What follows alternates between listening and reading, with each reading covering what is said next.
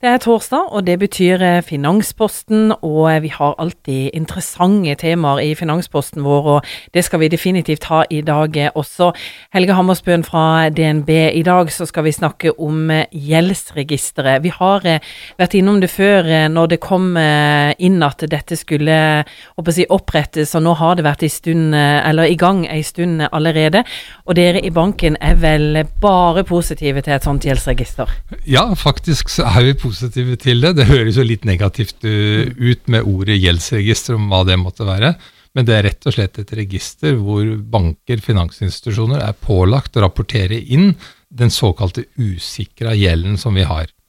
Og hva er noe usikra gjeld? Jo, det er liksom hvis du har tatt opp et forbrukslån, det er hvis du har kredittkort, altså typisk Mastercard, eller det kan være eh, sånne faktureringskort som du har enten fra Klarna eller Ressursbanke eller andre. Så de usikra lånene som du har, det kommer inn i gjeldsregisteret. Og det vil alltid bankene bruke og se når du skal ha boliglån, billån eller andre typer lån. Hva er det positive med dette gjeldsregisteret? Største fordelen er jo at du får en oversikt over hva folk faktisk har i, i gjeld. Det er bra, for det vi ønsker, forbrukslån, kredittkortgjeld, vi ønsker jo at de som trenger det, skal få det, men du må ha en økonomisk evne til å betale det.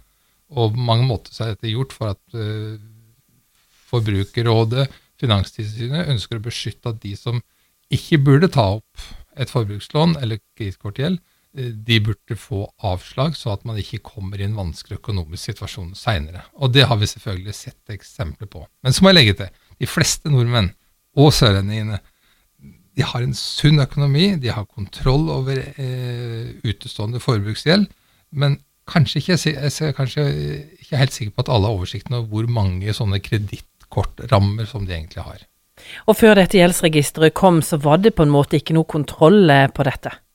Nei, man hadde tilgang til offentlige data via for så vidt ligningstall og det som lå ute, men det var ingen som hadde en totaloversikt over hvor mye forbruksgjeld som du kunne ha. Og satte du deg ned en kveld, så er det helt klart at du kunne få mange blankokreditter og summere oppover, så kunne det bli mange hundre tusen kroner. Og Dessverre så har vi sett at noen har hatt forbruksgjeld, det har vært på 300 400 000, og jeg har sett også over en million, dessverre. Men igjen, de aller, aller fleste har et veldig ryddig og godt forhold til det. I Finansposten i dag så snakker vi om eh, gjeldsregisteret, og vi kan altså sjøl gå inn og sjekke oss i dette gjeldsregisteret. Og Helge Hammersbøen fra DNB, har du sjøl vært inne og sjekka det? Det har jeg gjort, og det syns jeg var en glede å gjøre. Og så fikk jeg en liten overraskelse. Eh, jeg fant faktisk et kredittkort fra Norwegian som jeg hadde en kredittramme på 100 000 kroner på, som jeg ikke visste jeg hadde. Og Det er et godt eksempel at det er lurt å gjøre det. og da når jeg ikke bruker det, så sendte jeg selvfølgelig en mail inn og ba de om å slette det. Men hvordan kom jeg inn? Jo, du går på norskgjeldsregister.no. Du logger inn med bank-ID og så kommer du inn, du ser en oversikt over navnet ditt, personnummeret ditt og de ulike kredittene, og hvem de er til, og hva de eventuelt koster, og du ser rentesatsen på det. Jeg syns at det er en øvelse som alle burde gjøre for seg sjøl. Det er både fordi at det er fint å ha en oversikt over hva som er registrert der, sånn at det ikke ligger noen kreditter inne der som ikke burde ligge der, men det har en sammenheng med at når du skal søke et boliglån eller billån, så kan du fjerne noen kredittrammer, og dermed så får du høyere bolig, et høyere boliglån enn det du ellers ville fått. Så dette bør jeg anbefale at alle gjør. Men du, det kan jo være at lytterne våre, flere av oss, sitter med flere sånne kredittgjeld. Det kan være ulike firmaer. Men, men, så har man på en måte ikke brukt de. De står ubrukte, men likevel så tar dere de med i beregninga. Ja, vi gjør det. Så hvis noen eh, sier at dette det har jeg ikke brukt, eller jeg vil ikke bruke, så jeg tar og klipper det kortet i to, og så kaster jeg det. Da har, liksom, da har du god samvittighet. Dessverre, det hjelper ikke. Eh, å klippe kortet betyr ingenting. Du må faktisk gå inn i norskgjeldsregister.no, og så må du sende en mail til vedkommende kredittinstitusjon og si at denne kreditten vil jeg ha slettet. Og så får du en bekreftelse på det. Det har jeg sjøl gjort, og det fungerte aldeles utmerket. Ja, for det kan jo fort eh, ødelegge for noen? Det kan ødelegge for spesielt unge mennesker, eller folk som er på kanten av eh, hva man hva skal jeg si, eh, får lov til i forhold til boliglån. Det er jo sånn at Boliglån bevilges ut fra en belåningsgrad og ut fra en gjeldsbetjeningsevne basert på levekårsindekser fastsatt av Finanstilsynet. Men har du 500 000 i usikra gjeld, så vil det komme til fradrag på boliglån, og desto mindre. Så dette er en god øvelse å være godt forberedt. Søker du boliglån, sjekk gjeldsregisteret, fjern kredittrammer som er unødvendig, og så vil det forhåpentligvis med boliglånssøknaden eller billånet gå mye enklere. Hvor mange kredittkort eh, bør man egentlig ha?